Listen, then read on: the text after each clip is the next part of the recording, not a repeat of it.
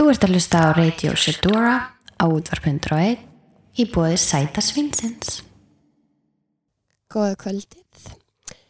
Uh, þetta er DJ Dóra Júlíana með ykkur og þið er að hlusta á Radio Shedora í bóði Sæta Svinsins.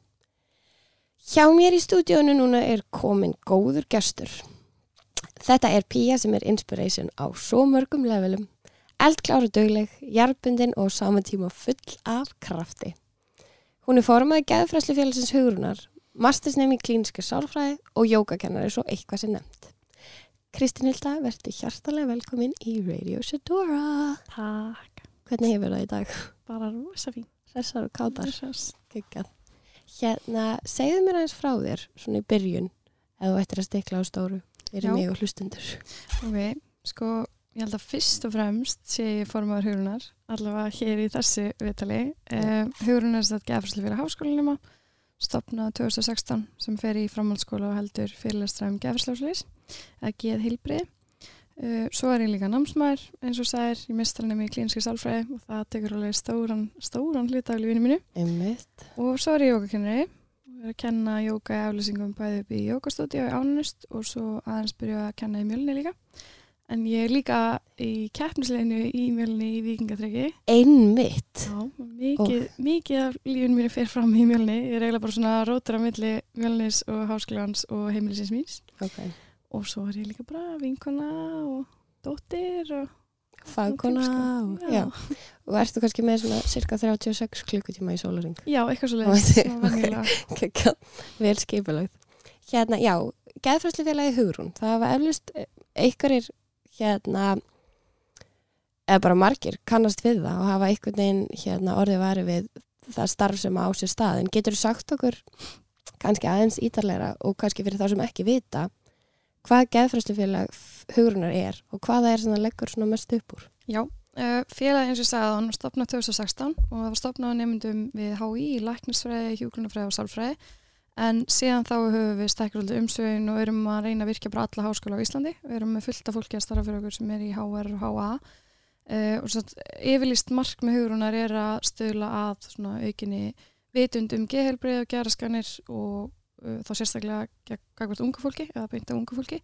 Og bara svona almennt stöðla samfélagsari vitund um geðhelbrið Uh, og við gerum þetta, svona okkar stærsta starf er að fara í framhaldsskóla landsins, reynum að fara bara í bókstala alla framhaldsskóla og halda staðlan fyrirlastur um geðheilbreyði og geðraskanir og svona úrræði sem standa unga fólki til bóða.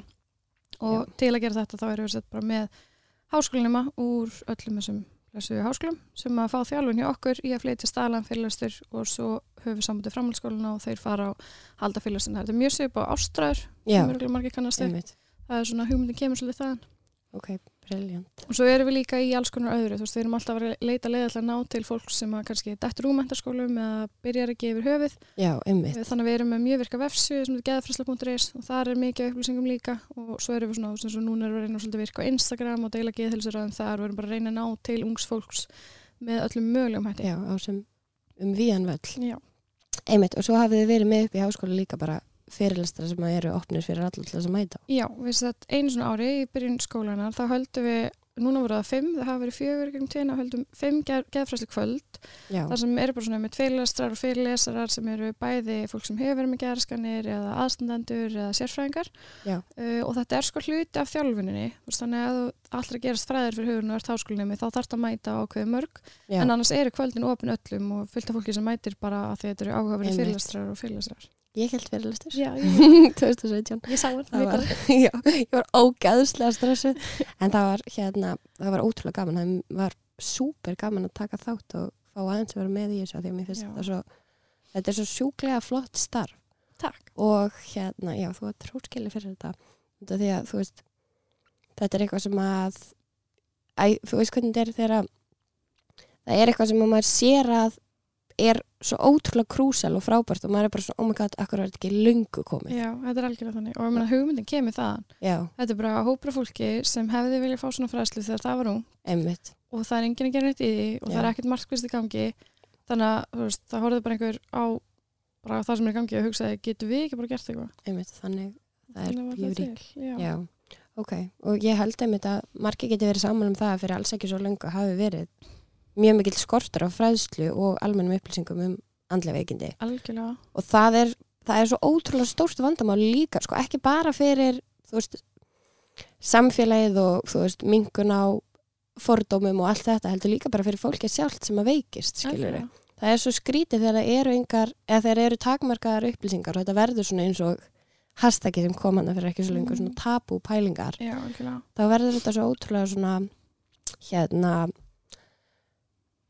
já, bara svo ótrúlega takmarka og það er svo erfitt að, þegar fólki líður eins og þessi eitt um leið og þú veist bara það sem opin umræða skilar eiginlega alltaf er það að fólk áttar sig á því að það eru fleiri í kannski sömu aðstæðum og það er alltaf einhver huggun líka í því að geta staðið saman. Algjörlega, og það leiði líka til þess að fólk leita sér hjálpa fyrr. Og Nákvæmlega. Það veit allt, þú veist, líka bara að vita að þetta er eitthvað sem áleita sér hjálpa við og það á ekki verið að burðast með svona Nei. eða standið einn og. Þetta er eitthvað sem er hægt að fá aðstofi. Nákvæmlega, nákvæmlega. Ummitt. Og finnst þér ekki, hérna, finnst þér þú ekki að hafa séð jákvæða breytingar í kjölfar, sko, opinar umræðu og hvað kannski í starfinu hefur þú sérstaklega tekið eftir?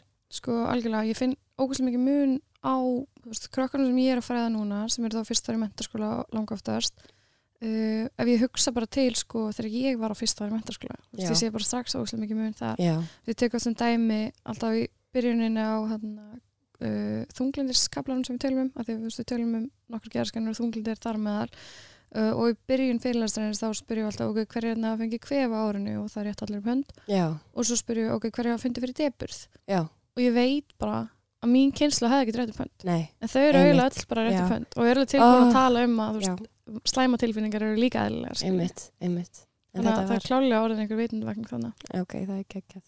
Það var einmitt, einmitt, þetta var einhvern veginn svona, maður vissi ekki neitt hvað í gangi hjá neinum þó að það væri kannski bara fólk sem var og maður í kringum á hverjum degi. Nákvæmlega.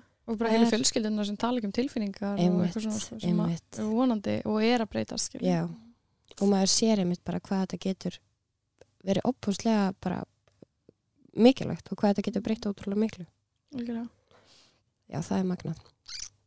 Hérna, og hvað er svo á döfinni hjá hugurinu og hvað er almennt markmið fyrir framtíðina með ykkar starfi? Sko, uh, núna erum við svona að ljúka menturskólafræðslunum eða framhaldsskólafræðslunum. Ég er einmitt að fara í síðustu fræðslu þessa árs á næstu viku. þá er ég bara á höfn í Hótnafyrði, menturskólan í Ok. Austur Skaftafells sísli. Um, ég, ég, er smá flugrætt sko, ég þarf að fljúa Já, er það? lítið Ok, fram já, Sko, ég hef flóið á höfn, er, hún er. Já, Ég var bara, byrja að ég að fara í þessa flugvíl, ég held að þetta væri bara fyrir mig eina, já, ég Liggur búin að heyra það að þetta verður er- svona algjört en það er ekkert. Aðeins virði, sko. Það er nákvæmlega. En allavega, absolutt. þannig að við erum hérna að klára framhaldsskóla fræslunar og sko undir lokin á setni önninni að því við þú veist, störfum í rauninni bara eins og skólaári er þannig að þú veist, fyrir önnin okkar er uh, haustun eða slúðis. Já, Uh, en já, þannig að í lokin á starfstörfinu þá fyrir við líka aðeins í grunnskóla. Þannig að Já. við tökum á okkur grunnskólafræðslur og svona félagsmyndstöðafræðslur og svo leiðis bara ef við sjáum fram á að geta það, þannig að Ok. þá erum við búið með næstel framhaldsskólafræðslunar og við erum aðeins í því núna og ég var einmitt í smára skóla í Kópaví bara áðan fræðslu. Uh, og svo þegar það er búið og alla fræðslunar alveg komnar þá fer sumarið í að vinna að fræðsluefninu sjálfu og Já, uppfæra ef að þarf og bæta og eins og núna í ár þá veist, langar okkur mjög mikið að efni sem við erum að gefa út frá okkur sé á fleiri tungumálum við höfum Einmitt. alltaf bara verið á íslensku heimasíðun okkar bara á íslensku og já, það er bara stór hópur af íslendingum sem við missum af og fólk sem býr á Íslandi nákvæmlega, við viljum nákvæmlega. allavega ná ennsku og bara vonandi pólsku líka og Já, svoleiðis. Ná til og það er þá verkefni um sömarið og Ok. svo er það fjáraflunir Já, af því að hugrún er bara regni sjálfbúðlega starfi uh, Einmitt. á styrkjum með frálsum framlögum og við fáum alveg fullt af flottum styrkjum og veist, erum styrt af menta og menningamálraðaniti núna og fengum útlutinu líðhelsusjóð og svoleiðis og fáum fullt af styrkjum frá einstaklingum en svo erum við alltaf á sumrun svona gulltryggja okkur þannig við eigum örgulega fyrir starfstarfinu þá höldum við fjárafluna bingo og tökum áttur reykjaugum árþarfinu og erum svona með nokkra fjáraflunar sem Já. einmitt, svona, það er líka svo mikið stuð. Mm. Það er svo gaman að, það er, að, veist, gott að vera, hafa alltaf stutt í gleðina. Já, líka smá svona hópeflu fyrir þá sem eru í starfseminni þú veist, að það sé eitthvað svona í gangi. Nákvæmlega, nákvæmlega. það sé ekki bara Það sé- einhver lærdomur og fræðsla sko. Nei, einmitt, og það er líka bara, þú veist, það er svo stutt á millu ofta eitthvað svo ótrúlega skemmtilegt en samt á sama tíma mjög krefjandi og erfitt, Mhm, skilur. algjörlega. Já, ok, æði, þannig að ef að fólk hefur áhuga á því að hlaupa í sumar þá er hægt að hlaupa til styrta ríkar. Já, við erum búin að skrá okkur inn á Reykjavík-marathoni. Ok. Það er hægt að hlaupa fyrir hörnu. Gekka, það er aldrei að vita. Ég er sko búin að skrá mig í marathoni síðustu tvö sumur Já, í hálfmarathon og veist, ég hljóp tíu hérna fyrir þreymar árum já. og svo hérna síðustu tvö ár hef ég alltaf verið svo bókuð já. að spila í flug. Þetta er alltaf um helgi líka. Já, þetta er alltaf að lauga þig og ég hef alltaf verið bókuð að spila í marathoninu. Er, þannig að ég er alltaf eitthvað, æ, ups, ég komst ekki. En núna hérna það var alltaf fyrir váir, sko, þannig að það getur verið. ég mæti bara. að nei, ég svona, sé ekki fram á það. Þannig að það getur vel verið að ég hérna, reyna að rífa mig í gang. Alltaf þú er laupa Ég get ekki hlaupið. Ég svo mikla beinhjónubólgu. Ég gæti sko að tekið bara svona skemmtur ekki sko eftir mig neitt og hlaupið síðan og þjáðst í viku. Já, ég hef því en ég Já. held ekki ekki. nei, það er betra Og það er bara einhverju að- vera að þú veist skipilegja að það sé kvartningastöð og allt þetta. nákvæmlega, Ég er verður það er, kvartning er ótrúlega mikilvæg í þessu Ógeðslega mikilvæg. það er svo, einmitt, það er bara alveg krúsalpastur á þessu líka en ok, þannig að þú ert búin að vera í þessu síðan 2016, í þessu starfi Já, ég eh, er núna á öðru ári var, bara kjörinn á þriðudaginn sem formaður í annarskipti En ég var sett formaður núna á síðasta starfsári og þar á vindan var ég fulltrúi grunnuma í sálfræði. Við erum með svona nokkur embætti sem eru bundið við ákveðna deildir í háskólanum. Ok, uh, og þar áður þá var ég bara ógeðslega virk í starfinu. Þú Ok. veist, Ég í rauninni frétt af þessu þegar það var verið að stopna félagið og ég var bara eitthvað, vá, þetta er geggja mm sem ég fyndi að því ég fór sko í háskóla með eitthvað svona, já, já, ég ætla bara að læra já, og ég ætla ekki að vera neina félagstöfum og núna er ég bara háskólinu með Kristín sem kemur ekki nálægt neina öðru. Já, og svo bara í lokin á fyrsta árinu minu þá er eitthvað svona, já, við ætlum að stopna félag sem stöðlar að bættir geðils og ungminna ég, ég bara þurfti að taka þátt. Ekki ekki verið með. þannig að ég var rosalega mikið með og svo fór ég í stjórn eftir það. Ok, og hef verið síðan þar. ekki, maður verður að fara með flæðinu líka sko. Já, það er ekki hægt að ákveða allt. Já, já. En hérna, svo hef ég náttúrulega líka bara lært miklu meira á þessu en ef ég hefði bara verið í bókum nákvæmlega skilju nákvæmlega, þannig að þetta er alveg mjög já, það er geggjað. Og hvað hefur svona í þessu starfi og þú hefur líklega einmitt bara lært opaslega mikið um og fræðst rosalega mikið um andlega veikindi undanfæra ár. Mm -hmm. og hvað kannski var það veist, það er svo ótrúlega fáfræði er svo ótrúlega merkilegt dæmi út af því að þú veist það er svo auðvelt að breyta um skoðun á ykkur sem maður hafði kannski ykkur að fyrirfram ákveðina þú veist, án þess að ætla sér að vera eitthvað fordómafullur þá kannski hafði maður eitthvað skoðun á ykkur án þess að átta sig á því að það væri fordóman og svo um leiðum maður fræðist örlítið betur þá hérna bara döð sér maður eftir ég hafa hugsað eitthvað annað eða skilur hvað ég meina. Algjörlega. og hérna hvað var það kannski sem að við svona bætta vitnesku sem kom þér mest á óvart í starfinu og í sambandi við andlega veikindi og eitthvað? Sko, saman við andlega veikindi þá var það örgulega bara algengið já, ég gerði mér ekki, þó ég væri að fara út í þetta sjálfa því ég vissi að þetta væri bara áriðandi og að þú veist, þetta væri góðlega til að hjálpa fólki að þetta kemur fyrir marga já, gerði ég mér samt enga veginn grein fyrir hvað andlega vandamál eru ótrúlega algeng. Nei. og líka bara svona hvað allar þessar tilfinningar og allt þetta sem við tölum um sem raskanir er samt í grunninn bara ótrúlega mannlegt. Maður kannski bara í meira magni eða óvendi aðstæðum eitthvað veist, uh, það var ekki rannsókn 2009 af tveimur uh, sálfræðaprófessorum á höfuborgarsæðinu eða það gerði svona rannsókn á höfuborgarsæðinu og voru bara aðtuga algengi geðraskana og, og algengi geðraskana svona lífstegar algengi sem Já. því að einhver tímun á æfinni uppfyllir fólk greiningaskilmyrki fyrir geðraskun á höfuborgarsæðinu er það 50% vá og þetta er þannig að þú veist, hjá mörgum kannski eiga bara eitt tímabil þar sem við Já, myndu já. uppfyllir greiningaskilmyrki Já, þú já, veist, já. eru þú veist, það þunglindir í veist, allavega tvær vikur já, að þeir myndu fá greiningu á þeim tímapunkti en svo Já, kemur já, það ekki já. alltaf aftur nei, nei. og svo eru náttúrulega aðrir sem eru kannski bara þetta allar sinni æfi og verður bara hluti af þeirra lífi Já. En ég til dæmis hefði ekki haldið þetta fyrirfram. Og svo sömulega sem er bara það að allar raskanir saman hversu fjárstöðugjandar okkur þykja er, þú veist, ef við hefum ekki glimt það sjálf eru samt sjúklega mannlegar Einmitt. kvíði er fyrst og fremst bara mannleg tilfinning. Já, það finna allir fyrir stressi. Það Mhm. væri bara stórkostlega mikið vandamál ef við verum ekki eða Já, það voru bara sama um allt einmitt, einmitt. En þá verðum við bara nömm já, veist, veist, það, það væri stórt vandamál Já. sjálfur sér. uh, en kvíðar öskunni sem bara ómikið magn, óvend aðstöður eitthvað já, svo já, já, uh, einmitt. þú veist OCD hugsanir það hugsa allir svona en bara eitthvað svona hugsa að þú gætir lamið einhvern eða Já, hugsa já, að já. þú gætir, þú veist, síkt unga batn og heldur á því eitthvað já, já, já. en þú veist, á OCD er sem kannski bara skrefinu lengra Já. að þú losnar ekki alveg við þessar hugsanir og fyrir að Einmitt. bregðast við þeim en í grunninn er þetta eitthvað sem allir upplifa og og bara, bara, á við um alla raskanir saman hversu Já. ótrúlega okkur þykja já, já, já. að ef maður hugsa það aðeins lengra þá, Þá fattar maður það- að maður getur já. alveg speklaði sjálfum sér sko. akkurat, akkurat einmitt, það er mjög merkilega punktur út af því að, já það sem að mér fannst svo gæðið merkilegt var þegar ég skrifaði greinin mína 2014, já, út af ég var þá búin að vera klásti ást, í, við ádröskun í daldin tíma Mhm.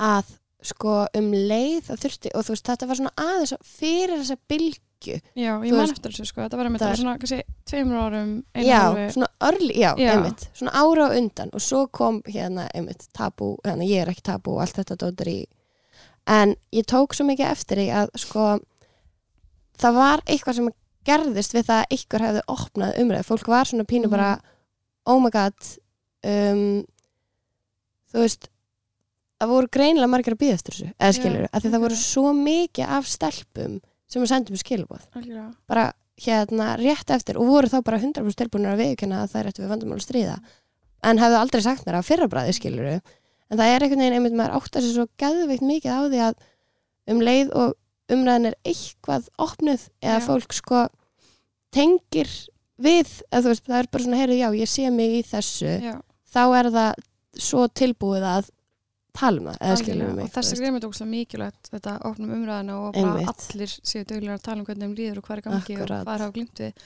akkurat og ég er náttúrulega að finna það ótrúlega mikið í mínu starfi fyrir hugurinu, þú veist, við erum að við, erum, við spilum oft vídeo í fyrirlustunum okkar að spilum alltaf vídeo sem að er úr herferð sem við gerum í fyrra sem að heitir huguð. Og þá þú veist vorum við að taka viðtölu þú veist svona taka stutt myndbrot með fólki sem hefur glimt í geraskanir og þetta er eitthvað sem fólk tengir ótrúlega mikið við. Líka bara þú veist þá sem að lýsa einkjörnum og allt það en þú veist krakkar komur og svo loft til okkur eftir fyrirlastra og lýsa eitthvað í gangi á þeim og við náttúrulega við erum aldrei að veita meðferð eða Nei, greina en eftir leiðis en oft Nei, nei, eru þau bara að lýsa augljósum merkjum geraskunar og einmitt oft, ég alveg nokkur sem fengið stelpur til mín sem eru bara að lýsa því þar séu með ádurskunn og Já. þá, þú veist, voru það bara áttast á því einmitt, og við getum bara beintum á akkurat, og við hefum akkurat. heyrt sögur af því líka bara, við hefum fengið þakkabrið frá fóreldrum Oh. og veist, alls konar hluti og mitt bara fengið að heyra bara já, þú veist, bara tengdi við eitthvað já, og ákvað þá Akkurat, að það að gat- þurfti að taka, einmitt. gera eitthvað í þessu. Af því að það er nefnilega það sem er svo skuggalegt er að, eða þú veist, bara það sem er er að það er erfitt að þú veist, það er ekkit alltaf hægt að átta sig á því, kannski bara langt sjálfnast hægt að Já. átta sig á því fyrir fram hvað er í gangi og það er það Já. líka sem er svo skeri að það er svo langt í hugsunina það er Já. eitthvað að mér eða þú Já. veist, ég þarf að gera eitthvað þú veist, að því þetta byrjar náttúrulega bara að þú ert ja, svolítið, svolítið tabúla rasa skilur Já, og svo já. byrjar að þróa með vandamál já, og það þarf svolítið mikið til að átta sá þessi Einmitt. orðið vandamál einhver allt í einu vakna eitthvað innra Já. með manni af því að þannig þú að svona hlutir og fræðsla geta þú veist, hjálpa Einmitt. mann að komast það miklu fyrir algjörlega það er krúsal af því að þú veist þetta verður bara svona partur af hverstagsleika ykkur Mhm. skilur og það er bara eitthvað svona ok það er eitthvað að þingja rosalega á mér en ég, þú veist það er erfitt að pinpointa nákvæmlega já, hvað það er og svo um leið, þú veist ég held um leið og fólk átti sig á því hvað er hægt að gera til að fá hjálp þá verður ferlið svo miklu miklu þægilega algjörlega, það er mitt að þetta gerist yfir langa tíma, þetta er bara eins og veist, skrefið úr megrun yfir í átröskun er Já. ekkert eitthvað, er lína sko. þetta gerist bara hægt rólega, einhver kannski byrjar í megrunum mitt og, og endanum er búin að þróa með sér átröskun en það er ekkert svona turning point Nei, nei, núna nei. er þetta það er ekki svona, já ég góðan skilur. daginn núna ætla ég að þrá með mér átrúskun Já, eða skilur, þú veist það er nefnilega, það er einmitt máli sko, þannig að fólk þarf að vita meira um raskanir til Já. að átt að segja því að þær séu í gangi. Akkurat. Þannig að þess vegna er þetta hérna já, ég er alveg opbúst ána með þetta starf já, ykkar, það er æðislegt. Hérna, en núna langar mig aðeins, Kristín Hilda mín að snú okkur að þér. Já, að því að mér finnst þú svo frábær pía. Og kannski fá aðeins að ræða þá mannesku sem þú hefur verið að geima okay. og það sem að mér finnst óbúslega áhugavert og ég veit svona aðeins um, um er jógakennarnámi sem þú fórst í fyrir nokkrum árum? Já, um, og ég náttúrulega, þú veist elska jóga, mér finnst þetta æðisleg reyfing og ég á ennþá eftir að koma í tímategin mér langar svo mikið að gera Já. það. Um, en hérna getur sagt mér aðeins frá því og kannski í leiðinni reynda að útskýra hvað það að yfka jóga hefur gert fyrir þig? Já. Ég, ég sett fór í jógakennarnam 2016 og ég fór allavega til Indlands fór til Rishikesh sem er svona jógamekka heimsins eiginlega. Heilug borg uppi ganginsfljót þar sem að allt áfengi er bannað og kjöti bannað og það er allir bara í jóka og engin úti eftir nýja kvöldin og það er alveg bara svona, Vá, maður er bara í jóka já, uh, og ég fór út á tíma sem var alltaf stekti fyrir mig veist, ég var tiltölulega nýhætti í svona mentaskóla sambandari mínu já, og ég var búið með fyrsta ári í sálfræði og var algjörlega búin að finna mig þar en svona annan staðar í lífinu var ekki svona freka tínd Já. þess ekki alveg hvað ég átt að gera hvað ég vildi gera. Um, og ég hafði farið til Indlands áður. Ok, fórsat með þessum mentaskóla kærasta mínum ok, í svona heimstressi og það fóru við til Indlands í bara mjög stundum tíma. Ok, og þá var það sko bara ótrúlega mikið menningasjokk og mér leiði eiginlega bara ekki vel þar og fannst bara allt á mikið og já, svo mikið áriði og fátækt og erfileikar í kringum hann og bara fílaði eiginlega ekki sko. Nei, og svo kom ég heim og þá byrjaði ég svona svolítið að þú veist náttúrulega pæla í stöðun sem ég hef verið á og fór að spekla eins e, og þá fann ég að Indland hafi haft mest áhrif á mig. Einmitt, bara þú veist, einmitt, Mhm. fátæktin og fólksfjöldin og það sem að mér hafi fundist óþægilegt í mómentinu satt síðan bara mest eftir og skildi mest eftir sig og svona hafði mest áhrif á hvernig ég horfði á heiminn sko um, og einmitt líka bara það að manni finnst aðstæðan vel hræðilegar og þegar maður byrja þetta saman í Ísland og við sem þetta hræðilegt en samt er allir brosandi og liðið Einmitt, vel og einmitt. bara er ennþá að vera fólk og hafa gaman. Um, þannig að ég grætti óslega mikið bara á því að vera í Índlandi fórsett þarna í mánuð í kennarnamið uh, og lærði náttúrulega ógeðslega mikið um jóka og mér þykir óslega vænt um að hafa farið til Índlands í þú veist þetta svona fyrsta námi mitt í jóka kannski bæti ég eitthvað um setna og það er ekkert því sem ég myndi gera það í Índlandi en þetta var svo ótrúlega mikið grunnurinn og bara svona Já. hvað jóka snýst um og bara svona kjarnin í jóka Varstu hjá bara svona einhverjum læri Nei, við meistara? vorum þú veist, bara í jókaskóla þannig að Já. það var svona einn aðalkennari og svo var líffræðikennari og það þú lærir óslega mikið um anatómíu líka. Ok, Eh, og svo var heimsbyggikennari sem var Ok. ógæslega fyndið og uh, hann var eiginlega bara að kenna okkur um hinduisma sko. Ok, og svona tengst hans og jóka sem Já, var líka mjög áhugavert og svo var svona já, aðalkennari sem var mest með okkur og við vorum bara í jóka allan daginn sko. Eina tilbyrgin okkar var þegar við fórum í anatómíu í klukkutíma eða þú vorum í heimsbyggi í annan klukkutíma en annars Ok. vorum við bara í jóka og lærum jóka og lærum, stu, lærum stöður og bara veist, læra að lappa og allt sko. já, já, já Þannig að þetta Um, er svolítið svona bara þú, þú líka bara veginn að byggja sálinn upp á nýjan hátt í leiðinni. Já, að ég, einmitt, ég fekk svo mikið út af þessu persónlega, þú veist, bara kenna náminu sjálfu, að ég var bara þarna lengst í byrtu frá öllum ágjum og öllu, þurfti ekki að gera neitt nema að vera bara í jóka Já, og þú veist, þetta var ógæslega krefindi, en samt var þetta sko einhvern veginn mesta frí sem ég hef fengið, já, að ég var bara stundu jóka. sálarfrí, já. borða græmitsætufæði og lýsa bækur í kvöldin og þú veist, Bara allt annan tempo en maður er að vanur. Nefnilega, sem var geggja sko.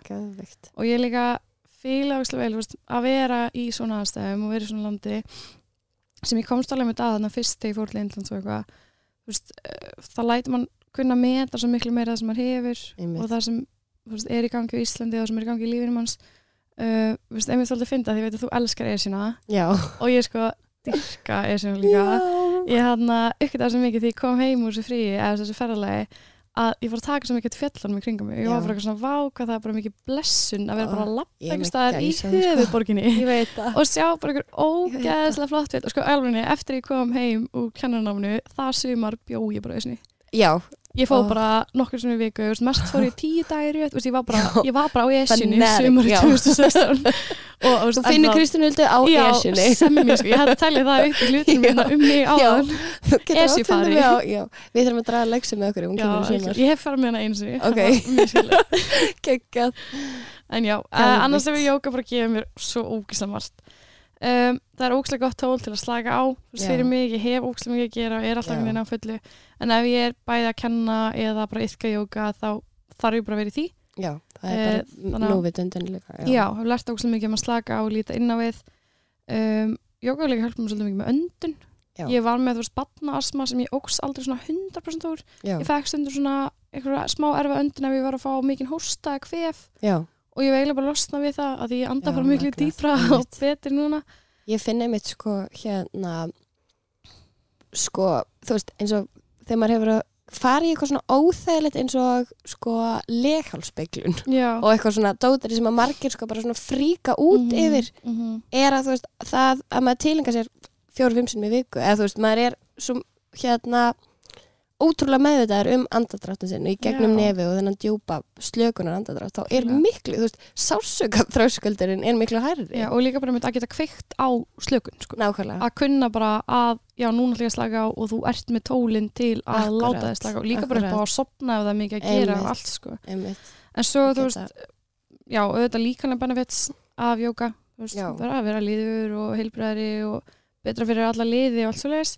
Eh, og það sem mér finnst líka ógæslega mikilvægt í jóka, bara í yðkunni sem er síðan hægt að taka með svolítið lífi, er bara svona að læra að þekka sín mörg. já, Að jóka snýst náttúrulega alls ekki um að gera flottur sér stöðunar Nei. eða ná að, þú veist, brjóta sér saman á okkur forlegan hátt.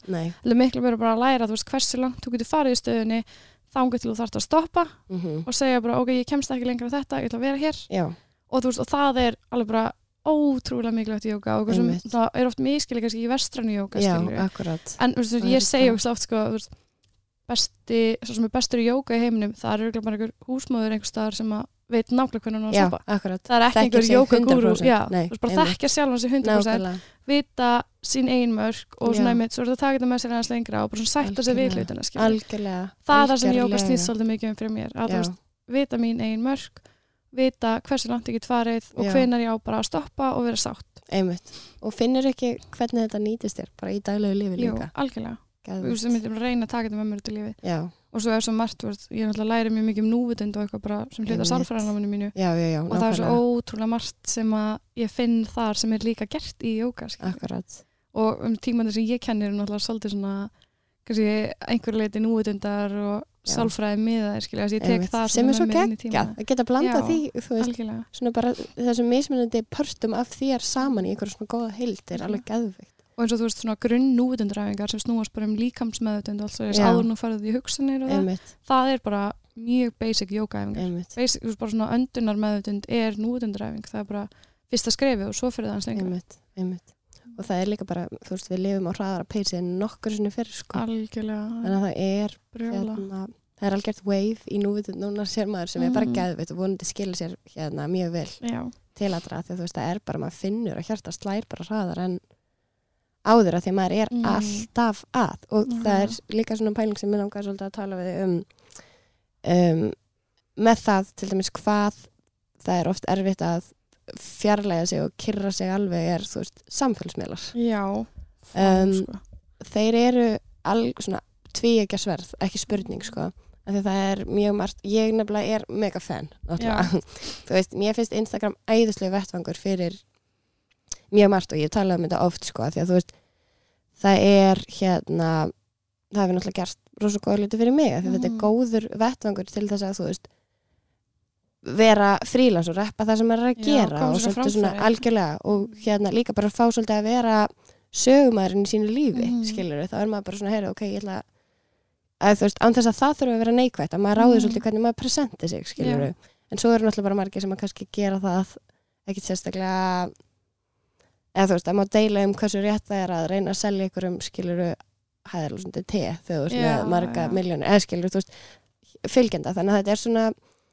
þetta er svolítið merkilegu vettvangur. Algjörlega og við kunnum ekkert á hann sko. Nákvæmlega, af því að þetta við er mjög sem nýtt. mannkynnið erum bara eitthvað Já. hvernig ég nota þetta? Ú, Þú veist, gera bara eitthvað, sjá, til hvað gerist og hvað áhrif þetta er.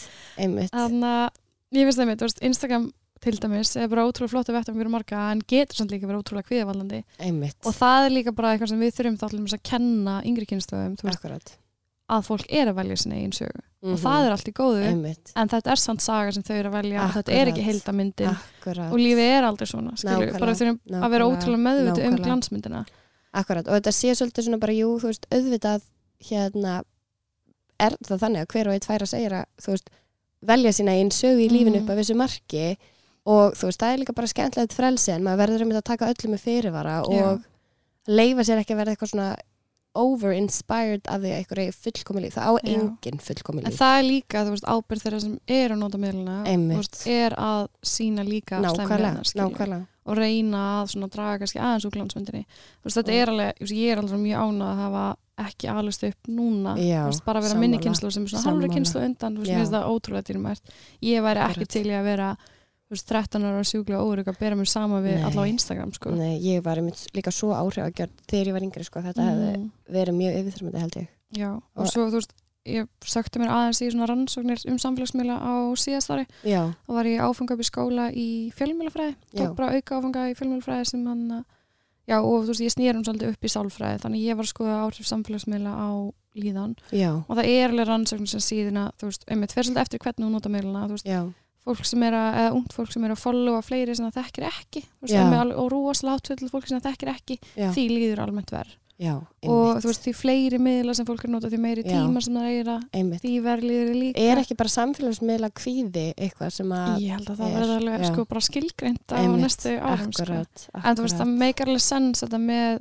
veist, að followa allir með fleiri sem þú þekkir ekki að því að auðvitað ef þú þekkir fólk ekki persónulega Mhm. og sér bara einhverja glansmynd nákvæmlega, þá áttar ekki á því að þú veist matta hliðin eða svoleiðis er líka til staðar en þú ert bara að followa fólk sem þú þekkir eða veist Já. eitthvað um þá Já, já. alveg að þau gangi líka gegnum erfiða tíma og að þeir ekki alltaf allt fullkomið einmitt. sem er ógeðslega mikilvægt upp á að fá ekki ránkomendur um hvernig lífið á að vera Nákvæmlega og það er, þú veist, örgulega ef þú ert ungur og ert að fylgjast með svona bilaslega mikilvæg glansmynd á Mhm. hverstarsleika hjá fólki þá er örgulega hægt að fá mjög brenglega mynd að því algjörlega hver raunveruleikin er. En Mhm. þess vegna er líka sko, veist, það sem er líka svo frábært við samfélagsmiðla eru þessar reyfingar, veist, Mhm. þessar svona vitundavakningar og þessar hópar og þú veist, það er alltaf ómetanlegt fyrir, fyrir okkur sem mannkinn að geta nátt til svona ótrúlega stórs hóps og veist, bara fréttir berist hratt og við getum meðvitað um ástand annars þar í heiminum og veist, bara fyrir baráttumál allt svoleiðir, samfélagsmiðlar eru ómetanlegir sko. mhm, ég hugsa að ég myndi ekki vilja taka út en þeir Nei, eru samt með það. ótrúlega stóra skuggalið já, og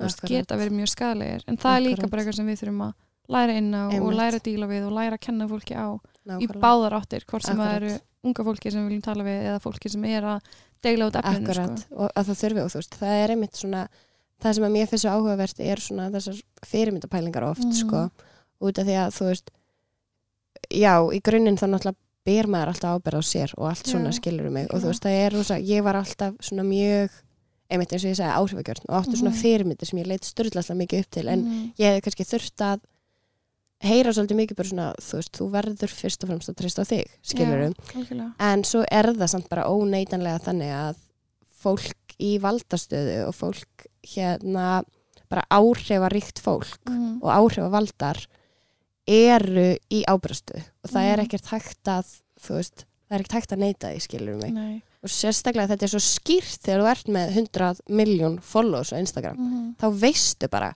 ok, ég ber ábyrð og ég þarf svolítið að velja þú veist, það er 100 miljón mann sem að líta upp til mín, Já, skilur já. eða, eða þú veist, það eru 15.000 manns í Reykjavík sem lítu upp til Já, mín, skilur þannig að þú veist, það eru þetta bara það er stundum hérna, þú veist, fyrirmyndi ber ekki ábyrð á heiminum eða lífinu en Nei. maður er samt svona maður getur valið að hafa jákvæð áhrif, skilur Algjörlega. mig En það er líka svolítið bara spurningum sko, hvernig fólk lítur á fyrirmyndir að því að veist, það er eitt að líta á fyrirmynd og horfa á kannski, þú veist, gildin sem hún hefur og Mhm. svona það sem hún stendur fyrir og taka það til sín. Já, Það er allt annað velja sér fyrirmynd og stefna því sama og hún er gera. akkurat. Það er er bara, tökum bara þeir sem dæmi skilur það er að ha- hafa þeir sem fyrirmynd að því leiti að þú ert ekki hrættu að fara aðra leiðir og ert bara svolítið samkvæm sjálfur þér og þú veist svona, ert að gera öðruvísi hluti, hluti í lífinu og ekki hrættu við það. Það er geggja það er eitthvað sem er hægt að horfa allir sem fyrirmyndar en ef ég ætlaði að fara að setja því sem mína fyrirmynd og ég ætlaði að verða heitast í DJ þá er ég bara doomed to fail og það fer ekki vel og þá líður mér ekki vel og þá næ ég ekki að vera eitthvað svona já ég er að veist fylgja því sem ég vil vera að gera. Já, einmitt, en það er bara, þú veist, þú getur ekki er, hver og einn er einstaklingur, skilur það er ekki hægt að lifa samanlíf eða vera eins og ykkur annar það er einmitt, Þú veist, veist, ok, bara Kylie Jenner eða eitthvað, veist, það er alveg hægt að horfa á hann og vera eitthvað, já, ég meina, þú veist, hún stendur sér vel í að vera ung mamma eða eitthvað, ég veit ekki, Mhm. en Já, að þú ert eitthvað, já, ég ætla að stofna snirtiföru fyrirtæki sem, þú veist, gerir mig að miljardamæringi, veist, þá ertu ekki Akkurat. að fara að fá mikið út úr því að hún sé fyrirmyndin, sko. Þetta fer allt eftir í hvernig þú lítir á hlutina Já, sko, þurfum svona, kannski aðeins að reyna að pæla í því hvað fyrirmyndir eiga að standa fyrir, sko. Akkurat, og það sem að mér finnst svo skemmtilegt er bara svona einmitt, en þú veist, við erum alltaf að tala um samt að ég er 26 ára og ég er búin að gangi gegnum, þú veist, svo opbúslega mikið með sjálfsmyndina Mhm. mína og þú veist, maður er búin að fara svo mikið ferralag, þannig að það er svo auðvelt að vera á þessum stað akkurat núna, skilur, Já. að vera bara, ég vil bara taka það besta og fá innblástur úr öllum og æskilur mig, en þú veist, það er samt ótrúlega frelsandi að vera á þessum stað. Að maður, er- en þú veist, mér finnst ótrúlega skemmtilegt að vera inspireruð af fólki á samfélagsmiðlum til dæmis, bara svona hei vá, þetta er gett og þetta er hægt og þetta er æðislegt og eitthvað svona. Og maður svona reynir eftir bestu getu að leifa því ekki að hafa neikvæð áhrif. Mhm. en það þurfti kannski líka bara rosa miklu uppbyggingu til þess að geta verið á þannig stað Já, og líka bara, veist. ef maður finnur það af neikvæð árið, þú veist, maður þarf bara að horfa svolítið inn á Já. við, þá er maður náttúrulega bara unfollow fólk nákvæmlega, og bara hætta að algjörlega, pæli og algjörlega. þú veist, hugsa bara, ok, þú veist, þetta er alveg einhver sem er að gera flóta hluti, en ég henda mér samt bara ekki. Já, nákvæmlega, og Ég það get er bara ekki- þannig Já, og ég veist. get ekki tengt alveg þetta eða gert sömu hluti ég eða, finn, bara ég finn að Yes. þetta er eitthvað þú veist, valda mig kviða eða Mhm. yfirþumandi eða eitthvað sko. og En það er líka ótrúlega hlutir sem valda krökkum kvíða, þú veist, ég Já. fór á hann að hugra á mig erindi á málþingi Vesturbæjar, uh, miðbæjar og hlýða fyrir ná, kannski, ári núna Já.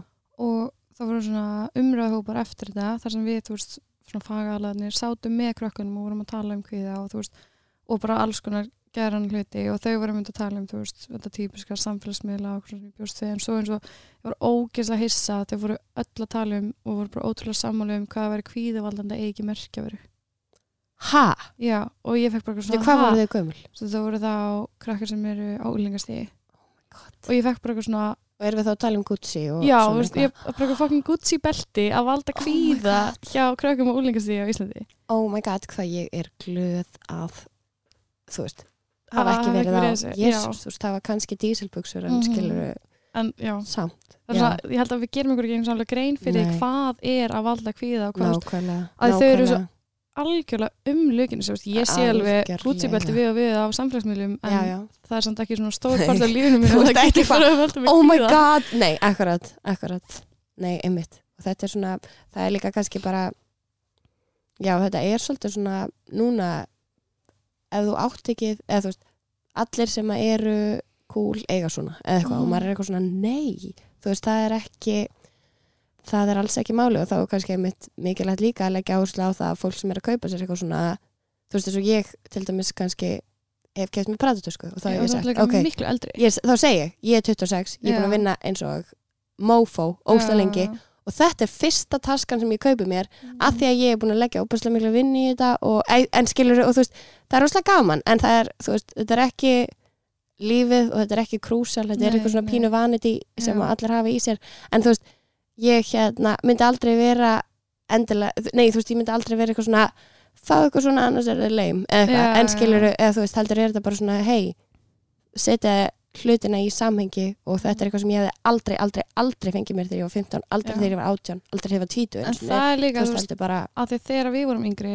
þá Já. voru fyrirmyndirinn okkar eða þú veist, fólki sem við vorum að fylgjast með var kannski meira fólki kringum okkur já, og fólki sem var miklu nær okkur og það er það sem Einmitt. samfélagsmiðlar hafa gert að já, þú veist, komið með heiminn til okkur líka þannig í staðan fyrir að við séum bara pæli þú veist, við erum í sjötta bekk og hvað er Mhm. nettast að gæla í sjönda bekk að kaupa sér? nákvæmlega, þá erum við að pæli hvernig er- skó á Kylie Jenner Nákvæmlega, það nákvæmlega. er og hvað þú veist, akkurat og þetta er, þú veist, einmitt og líka bara svona, svona útlýðstyrkun og næsta leveli oft Mhm. líka sem er rosalega aðgengileg sko. já, ef við- sjáum bara filtrið af lið og erum, veist, frekar en að vera bara með að pæla í sjönda bekk sem er líka með nákvæmlega. viljabólur og þetta er allt svona það real, aðeins meira kannski einmitt svona, þetta er í rauninni bara raunveruleiki versus einhver cyber Mhm. reality en þetta gerir, veist, gerir svona markmiðin manns og það sem maður vill fá út úr lífinu svo miklu, miklu erfiðara Já. eru mitt oft bara óranhef fyrir tíman sem maður er á já, eða bara landi sem maður býr í og, einmitt, nákvæmlega það er þetta að hugsa allt og nákvæmlega, ánst að það sé bara að veita mann einhverja ef Já. maður myndi yfir höfum ná þessu sko. akkurat, akkurat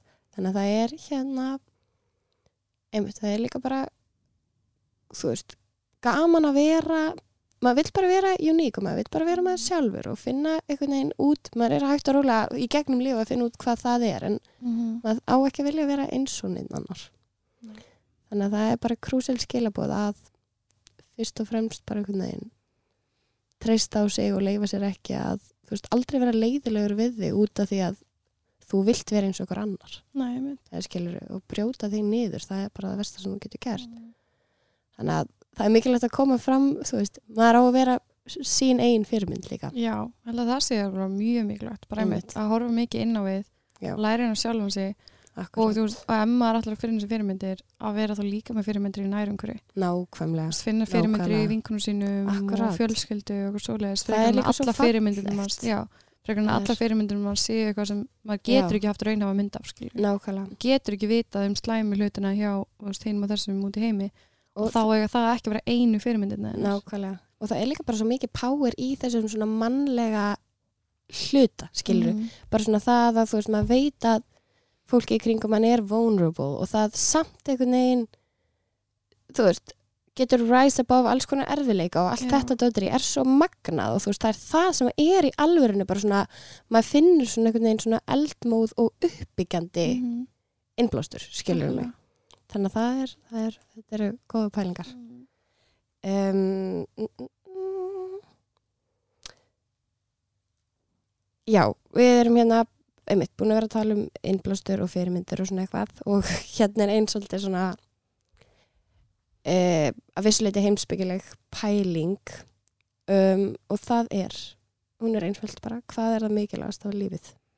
Vá, Þetta er- spurning. Ég veit það Ok, ég er sko Það er- 24 ára Já, og alls ekki lífsrendasta manneskja. nei, en núna erum við bara að tala um þinn Nei, algjörlega. raunveruleika right now Sko, fyrir mig er svona tvent sem ég myndi segja að vera mikilvægast. Það Ok. er bara fólki í kringum mig og sambönd og samskipti við þau. Já, Það er ótrúlega mikilvægt. akkurat, Og svo náttúrulega góð geðla algjörlega sem er einmitt margir halda að góð geðla snúist um að vera alltaf glaður eða bara upplifa stanslösa hamingju. Já, Það er alls ekki þannig. Nei. Góð geðla snýst um að ná jafnvegi mhm, og bara með það að læra inn á sjálfum sig kunna að takast á við erfiða tíma og erfiða tilfinningar og líða svona að jafna þau frekar vel. Já. Þannig að þú veist, fara í gegnum læðir og komast alltaf aftur upp að miðju og einmitt vita hvar sín ein miðju er og hvar maður er þegar maður er bara svona nokkuð góður. ok, já, Og það, þú veist, að læra það og læra inn á það og ná að halda því, það þykir mér ótrúlega mikilvægt. það er það, algjörlega og það er hérna líka að þú veist, ef maður pælir í því og þetta er eitthvað sem ég hef líka oft hugsað þú veist, maður vill svo oft vera einmitt eitthvað svona yfirmáta hress og skemmtilegur Mhm. og æðislegur og eitthvað, Mhm. en þú veist það besta sem þú getur gert fyrir þig sjálfan og fólki í kringu þig sem þið þykir svo væntum Mm er að passa upp á geðhilsuna þína og er að líða, þú veist, setja því í fyrsta seti Mhm. og líða vel. Það er bara, og þú veist, það er einmitt. Þetta er svona, og það er oft líka erfitt um þetta að vita hvað er það, þú veist, hvernig líður mig vel, skilur Já. En það er einmitt, þú veist, það er líka bara svo gaman að þetta sé ferli og maður er alltaf að læra meira og meira inn á sig og maður er alltaf að læra meira og meira á lífi og það er bara, þú veist, það er bara svona óneitanlega partur af því að vera til sem að gera það líka svo skemmtilegt, þú veist, Algjörlega. að vera í sífildri þróun. Þannig að mér finnst þetta, slíka mér, það er fyrir mig persónulega þetta er ekkert eitthvað sem allir þurfa að gera en fyrir mig hefur hjálpað ógustlega mikið og veitt mér mikið að pæla svona í mínum gildum einmitt, þú veist hvað, hverju vil ég standa fyrir og þú veist, ekki endilega hvað, hvað vil ég afrega eða hverju vil ég ná.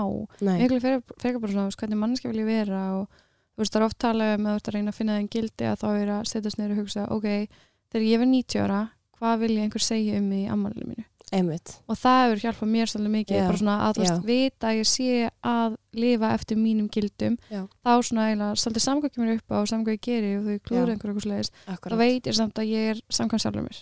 Einmitt, það er einmitt.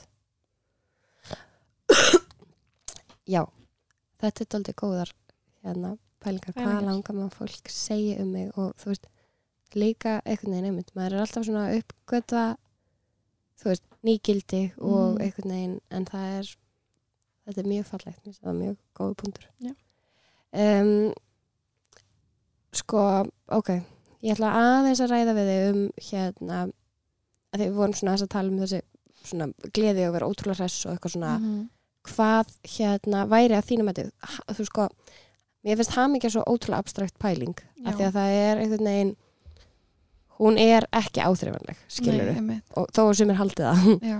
um, og mér finnst hún svona, einmitt, hún er abstrakt af því leiti líka bara að hérna, það er erfitt að lýsa henni Mhm. og það er að fólk upplifar hann á, á mismunandi hátt og alveg eins og þú sagði sko, þú veist, á Indlandi eru aðstæður sem að fólk hérna heima finnist kannski ekki skilgrann að gleði eða hamingju Mhm. en samt að því að þú veist f- fólki sem að var þar var samt bara almennt mjög algjörlega.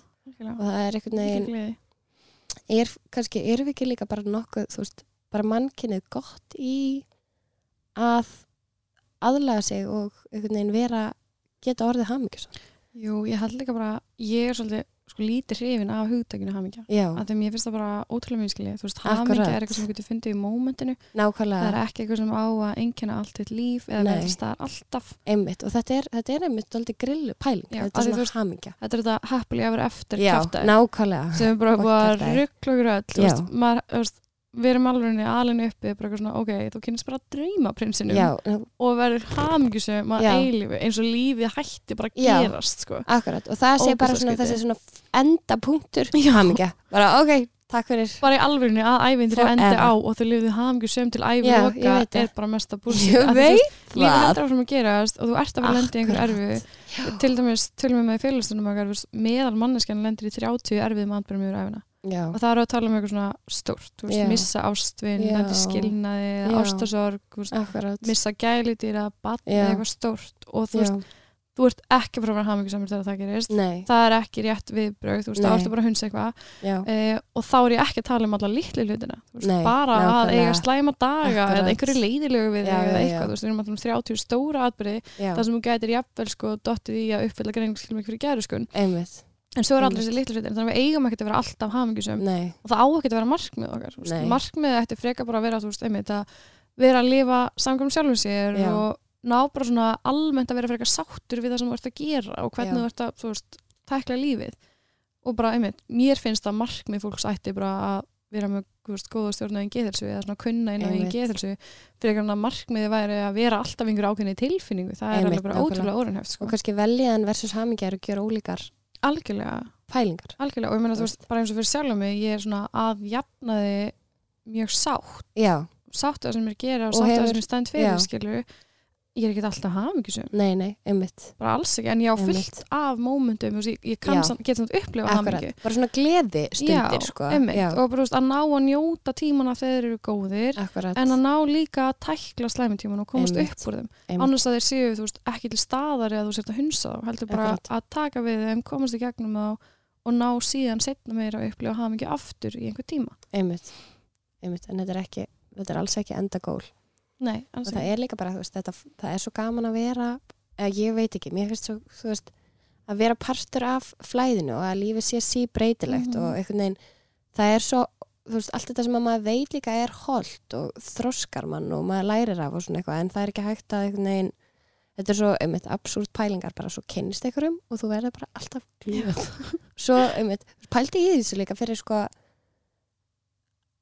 nokkrum áratugum síðan eða eitthvað Mhm. svona skilur það sem að þú veist líka bara, það var ótrúlega skert kvennfrelsi og svona og það var bara Já. einhvern veginn svona nú ert þú bara með manni og þú ert að vera opaslega hamingisum og svo voru er bara konur ekki nákvæmlega. En bara Og- almennt líka öll svona þú að ná einhverju ákveðinu markmi er ekki að fara að veita þér eiginlega nei, og þú veist, og einmitt bara samfélagið eins og það er í dag og bara, þú veist, ef við fyrir út í það að kapitalismi skilur bara öll svona efnislega markmið og veraldlega gæði sem þú vilt ná þú veist, mm geta alveg auki hamingjurum hans eða svona auki velja en einhver tíma en þú Já, samt alveg að fara að missa ástöðin einhver tíma eða Nákvæmlega. lenda í áfalli skilur aldrei að finna eiginlega það er hamingju. óumflýjanlegt sko. Þannig að eitthvað svona, þú veist, ef ég næ þessari stöði í vinnunni þá er ég hamingjusum, já, það er ekki að að gerast. þetta er nefnilega og þetta er svo held ég mikið vandamál hjá til dæmis eins og svona markmiðasetningar. Mhm. finnst mér stundum geta verið pínu svona. Veist, það eru semir sem að lifa á milli markmiða. Það er bara, ok þegar ég er búin að ná þessu, þá verður allt geggjað nei, þegar ég er búin, eða þú veist, veistu hvað ég já, meina og svo kemur næsta markmið þar Já. eftir, sko.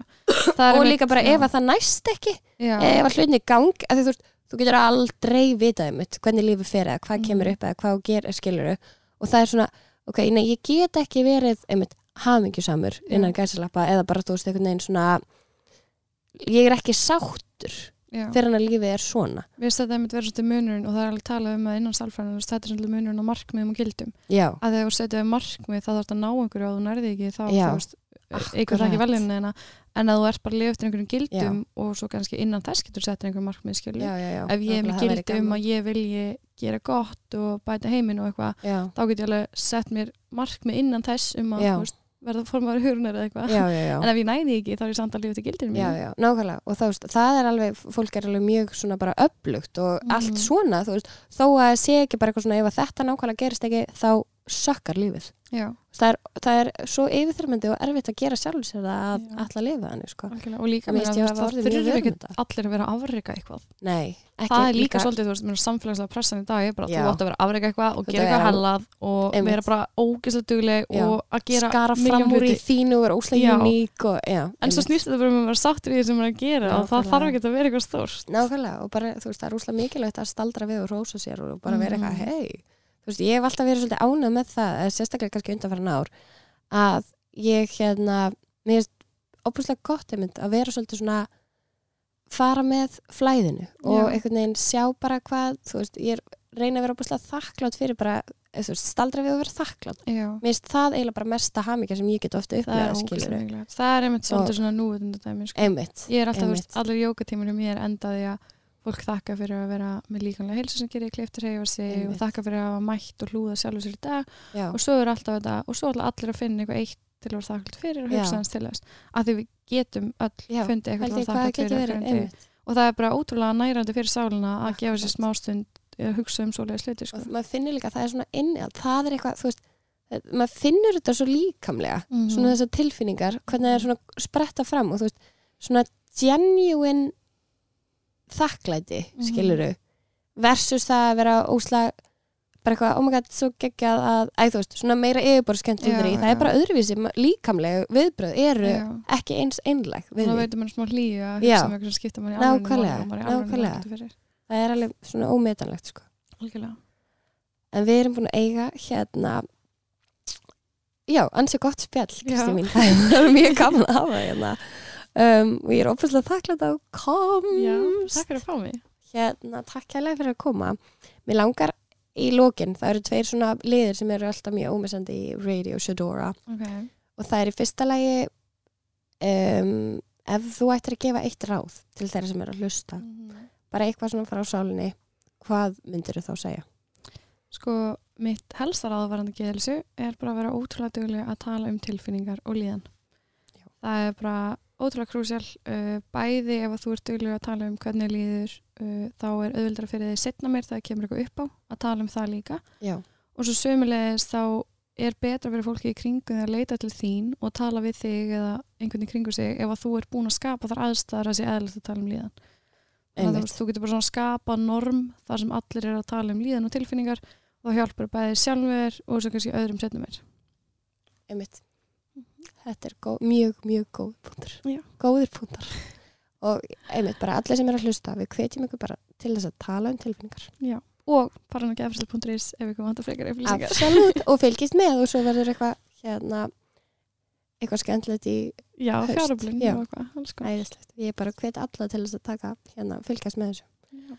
svo svona í lokin e, langar mig að beða um óskal Já, sko, ég er persónlegt óskalag sem Ok. ég valdi mér. Ég er hann að smá saga með því. ok, Uh, ég er sett með tattoo, eitt tattoo. Já. og það er á síðunum minni og það stendur Let It Be, ok.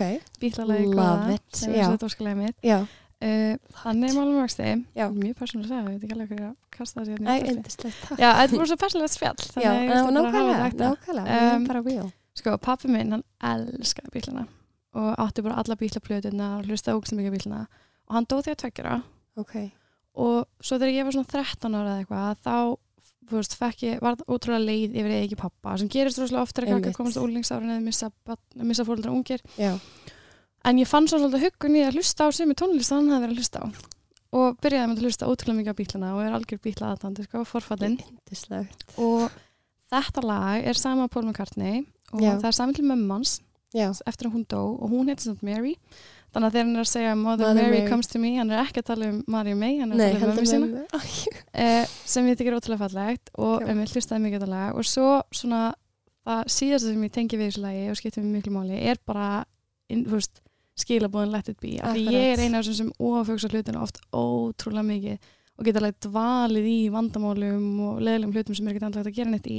Já, þannig að ég er svolítið svona reynd að tilengja mér það ég fekk mér þetta 17 ára. hollt. já, mér finnst það geðvikt, mér finnst Ég það hef reynd að æðislegt. tilengja mér að láta hlutina bara, Bara- liggja kyrra og bara let it be. það er mjög gott að bara let it be. Algjörlega, indislegt, takk elsku Já, takk fyrir mig. Við endum þetta á bílunum